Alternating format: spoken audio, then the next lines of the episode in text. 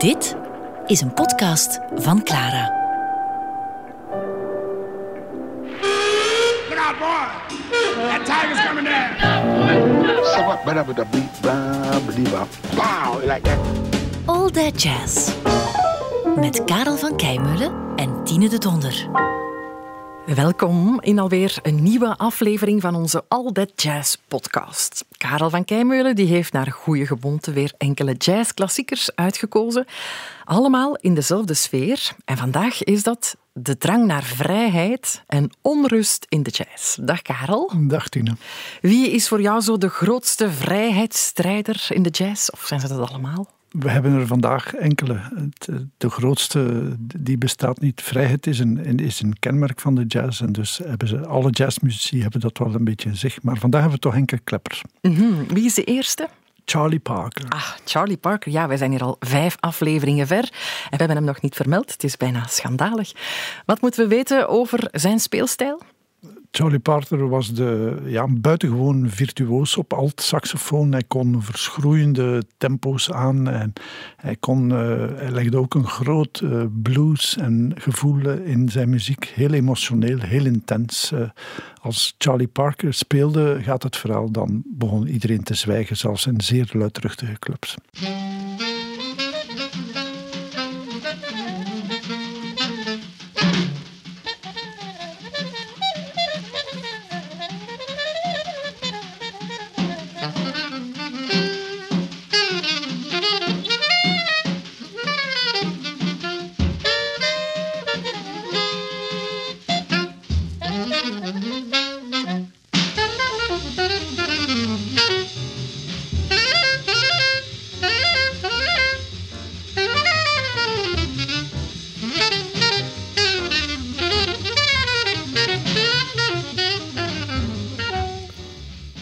Welk nummer is dit, Karel?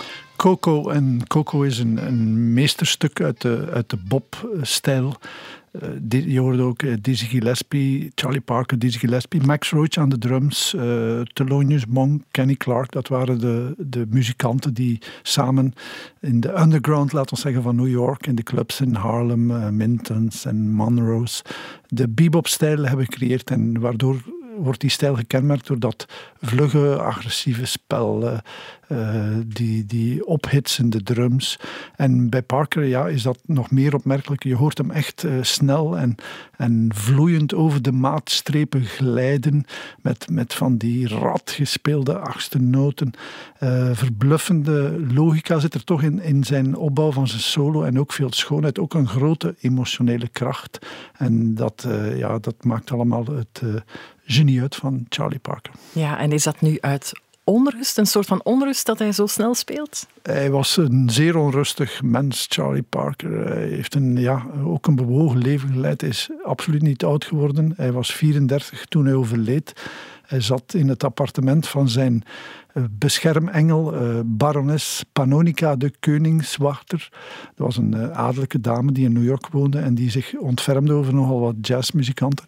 En hij zat naar een comedy show te kijken en hij is, is, daarin, is dan gestorven op dat moment. En toen de dokter die het lijk kwam schouwen hem zag liggen, dacht hij dat het een man was van in, in de 50 of misschien al 60 en hij was amper 34 jaar oud. Hij was afgeleefd. Ja, hij had een zeer destructieve levensstijl ook. Een geweldige appetijt in drank, eten en drugs. En uh, hij raakte daar moeilijk, hij raakte daar niet van af. Heeft zich eigenlijk zelf in de vernieling gereden.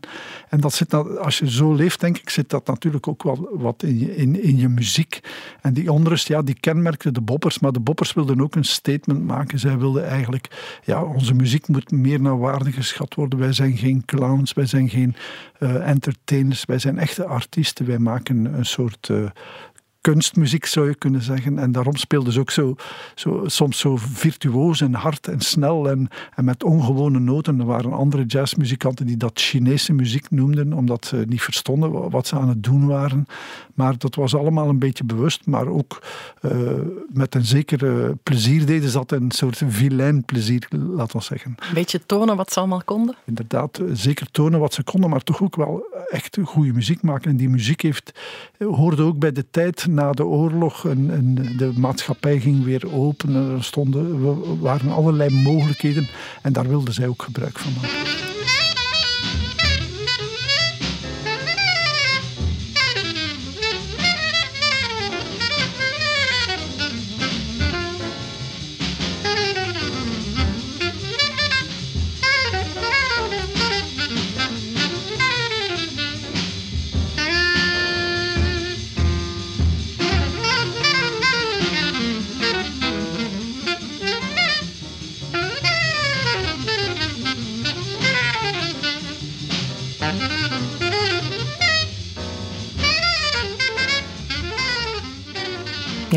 Virtuoos.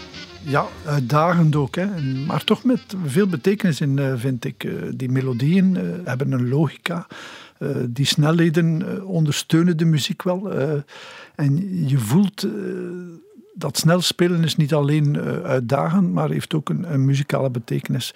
Zij wilden dus echt die kunst die zij maakten eh, gelijkschakelen met andere kunsten. En dat, dat, dat, daarin zijn ze toch ook wel geslaagd. Ja, nu je hoort wel eens dat Charlie Parker nog altijd een grote invloed heeft op alle saxofonisten die na hem geboren zijn.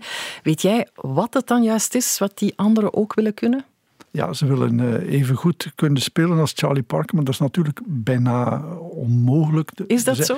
Ja, er zijn natuurlijk nog wel alt-saxofonisten die technisch heel bedreven zijn, maar die eh, intensiteit en emotionaliteit van Parker, die vind je toch eh, zelf terug. Cannonball Adderley was ook een meesterlijke saxofonist, maar er, er zijn er nog zoveel.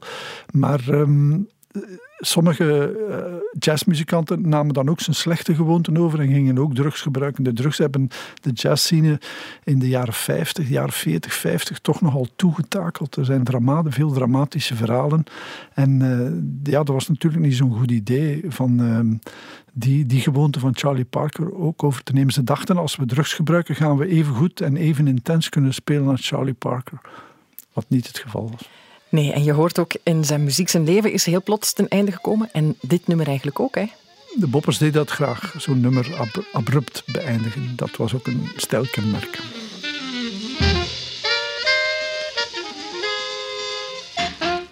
Hop. En zo eindigt het verhaal van Charlie Parker. Nu, we gaan naar een andere grote naam uit de jazz. Ornette Coleman, de saxofonist. Iemand die eh, de geschiedenis van de jazz veranderd heeft. Vertel eens, Karel, hoe heeft hij dat gedaan?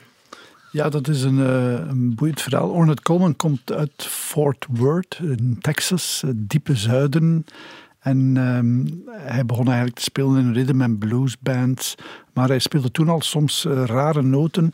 En eh, op een dag eh, waren er zelfs eh, mensen die dat niet konden verdragen en die hem eh, eh, in elkaar geslagen hebben omdat hij van die rare muziek speelde. Hij trok toen eh, naar Los Angeles en daar kwam hij gelijkzinden tegen, mensen die ook over hem dachten. Ornette Coleman was sterk beïnvloed door Charlie Parker, speelde alt-saxofoon en wilde eigenlijk ook in die sfeer blijven spelen, ook sterk verankerd in de blues. Nu ben ik wel benieuwd. Hij speelde raar. Wat bedoelen ze daarmee? Ja, ongewone noten, noten die niet pasten in de akkoorden die werden gebruikt. eh, en ook op een, hij fraseerde ook op een, op een andere manier. En eh, ja, dat eh, konden ze niet verdragen.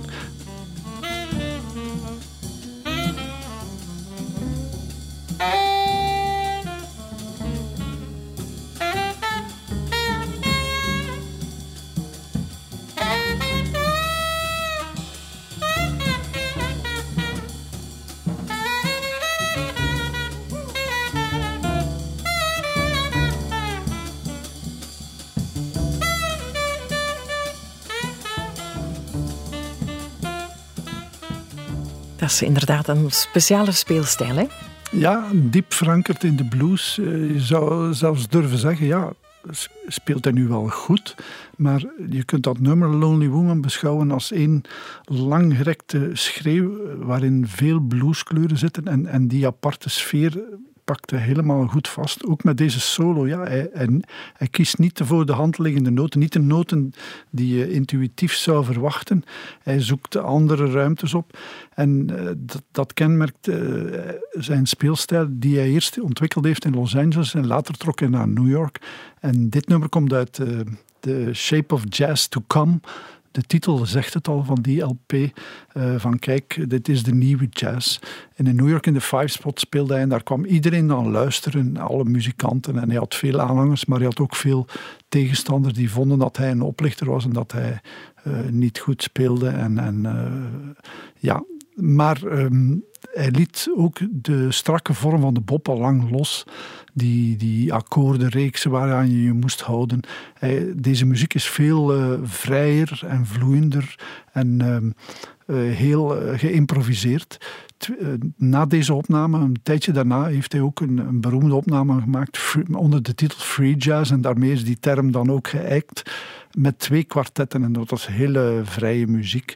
Maar hij heeft later ook nog heeft ook symfonische muziek gemaakt. Heeft ook muziek gemaakt met elektrische funk. Eh Ornette Coleman was niet te pakken, in, niet te vatten in één hokje. Hij ging eh, vele kanten op. Maar dit is wel zijn, zijn meest beroemde nummer.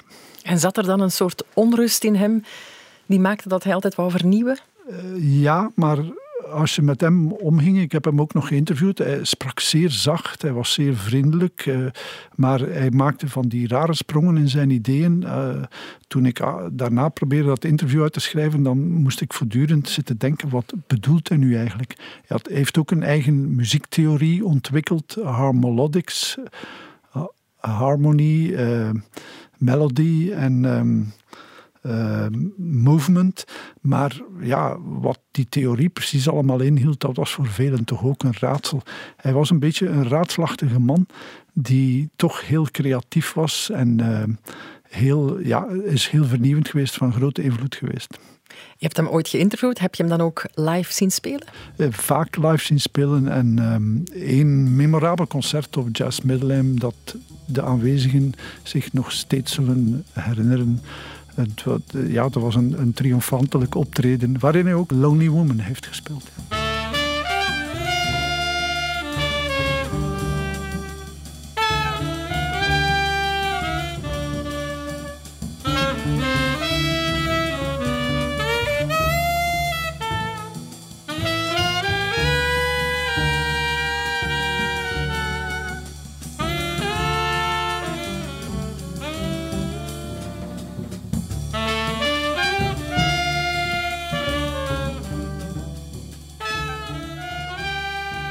En hoe was dat optreden, Karel? Ja, dat, was, ja, dat zijn zo van die magische momenten. Een bomvolle tent. Eh, Ik denk dat hij toen met twee bassisten speelde en zijn zoon natuurlijk, Denardo, op drums. En ja, eh, alles zat goed. Eh, Die, die twee bassisten legden ook een zeer, zeer broeie ritmes eronder en stuwden de muziek vooruit. En daarboven klonk die, die eenzame, ja, soms eh, een erg bluesy getinte saxofoon. Ehm, nu, Lonely Woman is zijn beroemdste nummer, maar er zijn nog diverse nummers van Ornette Coleman die vandaag nog vaak gespeeld worden. Ramblin' Peace, denk ik. Una Muy Bonito, dat soort nummers worden vandaag nog door veel muzikanten gespeeld. En weet je van waar het komt, Lonely Woman? Ja, je zou denken, oké, hij heeft gewoon eh, aan een, een eenzame vrouw gedacht, maar zo ging het niet. Hij liep in de stad en zag in een kunstgalerie een, eh, een portret van een blanke vrouw. En hij keek daarnaar, en, eh, een schilderij. En hij keek daarnaar en hij zag haar ogen in, dat, in die schilderij. En dat waren de eenzaamste ogen die hij ooit gezien had. En onmiddellijk daarna is hij thuis deze compositie beginnen schrijven. En kijk nu, zoveel jaren later en we kennen het nog. Ja, Lonely Woman is een oerklassieker in de jazz. En een voorbeeld van onrust en vrijheidsdrang in de jazz? Zeker, ja. Ja, duidelijk een man die buiten de lijntjes kleurde. Ornette Coleman. En de volgende man, die deed dat eigenlijk ook. Pianist Bud Powell. Waar gaan we nu naar luisteren, Karel? Naar Un Poco Loco. Un poco loco.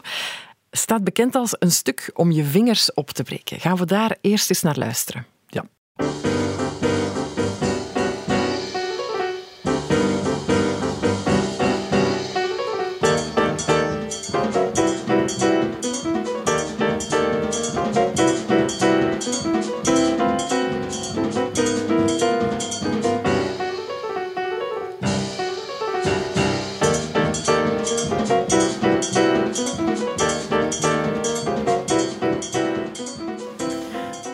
We moeten dat toegeven, dat klinkt heel moeilijk. Ja, je hoort die, die forse attack, die harde attack van Bud Powell. Hè. Hij is bijna meedogenloos. En uh, hij speelt uh, straks bijna even snel als Charlie Parker. En ze noemden hem dan ook wel eens de Parker van de piano. Hij hoorde ook bij die, bij die boppers. En um, hij hield van uh, dat, die complexe constructies met die snelle lineaire ontwikkelingen. Un poco loco is Spaans voor een beetje gek. En je hoort ook een beetje die Latin-invloed. Er zit een soort dansritme in, in deze muziek. En had hij iets met uh, Spanje of met Mexico? Ik denk dat uh, in, in, de Verenigde Staten veel muzikanten, uh, die invloed uit Zuid-Amerika, die zijpelt wat binnen uit de Caraïben. Dus uh, ik denk veel muzikanten hebben daar wel iets mee, maar niet echt bijzonder, nee. Nee. Ehm, nu, was dit in het algemeen eigenlijk zijn muziek of heeft hij ook rustige ballades gespeeld? Hij speelde ook ballads, ja. En hij speelde ook veel stukken van Thelonious Monk, want Thelonious Monk was zijn vriend, hoewel die een heel andere pianostijl had absoluut niet zo, zo snel en virtuoos en agressief speelde zoals Bud Powell, maar die twee konden elkaar uh, goed vinden. Monk heeft trouwens een, een stuk gecomponeerd met als titel In Walked Bud, een beroemde compositie. En dat was opgedragen aan Bud Powell. Nu, die Bud Powell was een, ook een, een soort uh, natuurtalent. Als 16-jarige draaide hij al mee in de Harlem scene. En hij heeft fantastische stukken gemaakt, zoals deze Un Loco.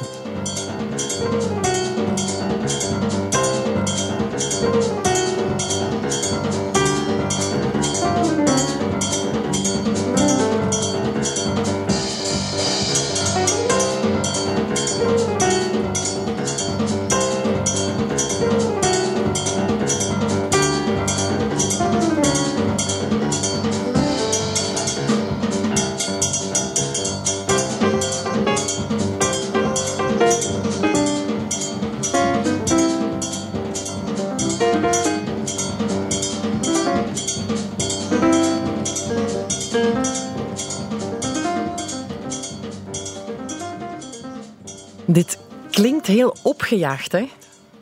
Ja, en die invloed van de Latin zit daar duidelijk in. Het is een ja. beetje een studie van, van de Latin jazz ook.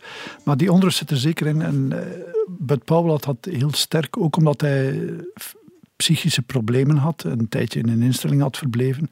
Hij is ook eens tegengehouden toen hij dronken reed en de politie heeft hem dan in elkaar geslagen en, en, en meegenomen. En dat heeft hem, hij is in het ziekenhuis beland toen. Dat heeft hem ook zwaar getekend. Veel uh, zwarte Amerikaanse muzikanten werden sterk geconfronteerd met racisme toen nog in de Amerikaanse maatschappij en ze leden daaronder. Hij is toen ook naar Parijs getrokken, heeft vier jaar in Parijs gewoond, waar een Fransman, Francis Poudras, heeft daar, daar een boek over geschreven, hem onder zijn hoede heeft genomen en hem heeft beschermd.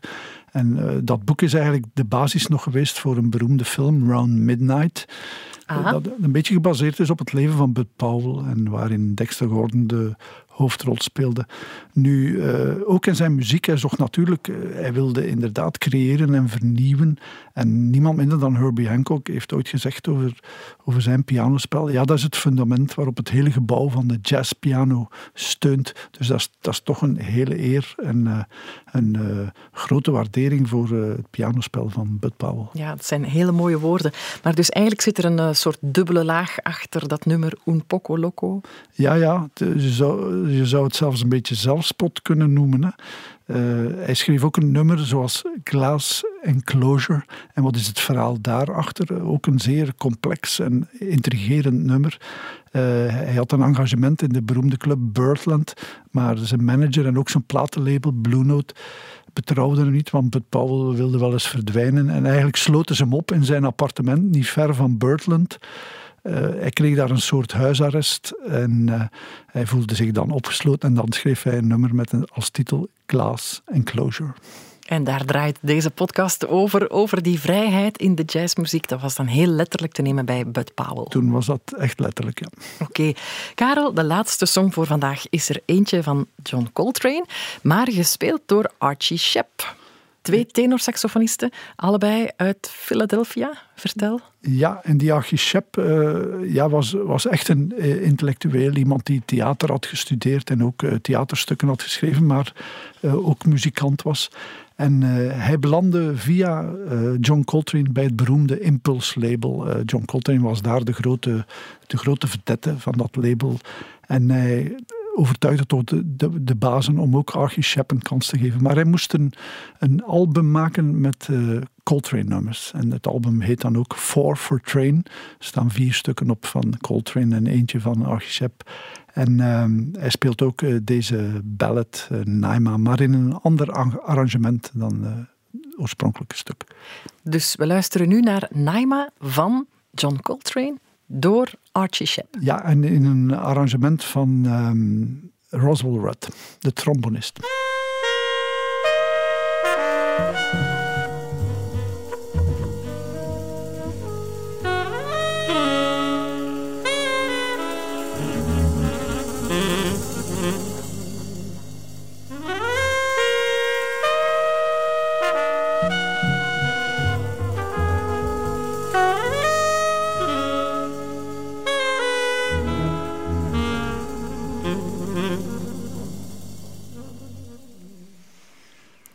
Versie van Archie Shepp die duurt bijna dubbel zo lang als die van John Coltrane, Karel.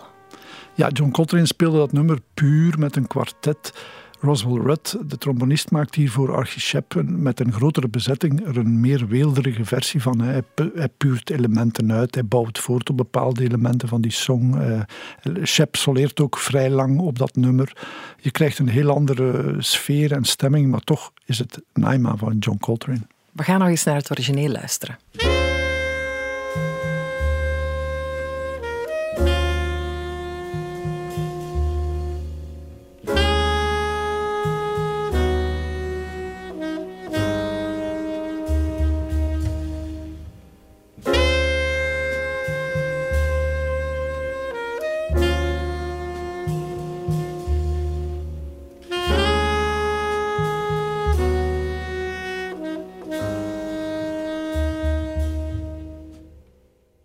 Jas nog vertellen over dit nummer? Ja, eh, John Coltrane schreef dat nummer voor zijn eerste vrouw, die Naima heette. Een, een prachtige ballad, een van de beroemde stukken van eh, John Coltrane. En waarom koos hij voor Archie Shepp? Ja, hij zag iets in die Archie. Archie is natuurlijk een, een wat andere saxofonist dan John Coltrane. Een, een man die uh, ja, uh, werkt met een, een schuivende tonaliteit. Ook, sterk, uh, ook weer al sterk verankerd is in de blues en in de Ellingtoniaanse kleuren. Daar houdt Shepp ook bijzonder van. Nu, Shepp heeft een, ja, een rijke carrière, speelt vandaag nog steeds. heeft nog net een album gemaakt met pianist Jason Moran. En Shep heeft van alles gedaan. Heeft zich door de Afrikaanse cultuur laten beïnvloeden. Uh, met big bands gewerkt. Heel sterke statements uh, ook uh, gemaakt. Attica Blues, The Cry of My People. Attica Blues ging over de gevangenis in Attica. En The Cry of My People zegt het, hè, waarover het gaat. Hij was heel erg begaan ook met de burgerrechtenbeweging en ehm, heeft ook mooie albums gemaakt, Archie met blues en ballads. Dus uh, daar voelt hij zich wel in thuis. En waar zit voor jou die onrust of die drang naar vrijheid? Eh, omdat uh, Shep, uh, zijn manier van saxofoon spelen, een hele eigen stijl, heel herkenbaar ook. Met die ja, hele vrije manier van saxofoon spelen. Hij, hij, hij vindt een beetje zijn broek aan de regels. Hij, als je wilt schrijven op saxofoon, dan doe je dat. en als ik wil fluisteren, als ik wil uitschuiven, dan doe ik dat ook. Hij, hij trok zich daar allemaal niet te veel van aan. Ook, hij kreeg kritiek dat hij niet orthodox genoeg saxofoon speelde, maar dat liet hem eigenlijk een beetje koud.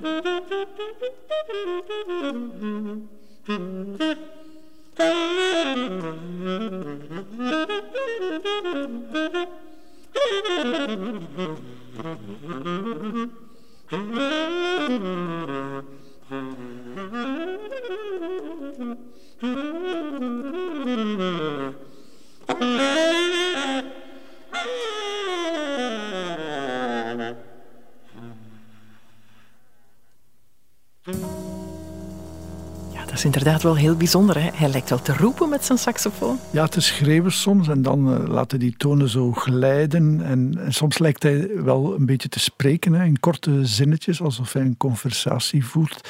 Ja, het is heel kenmerkend voor Archie Shepp, deze manier van saxofoon spelen. En dus hij deed dat in veel van zijn nummers?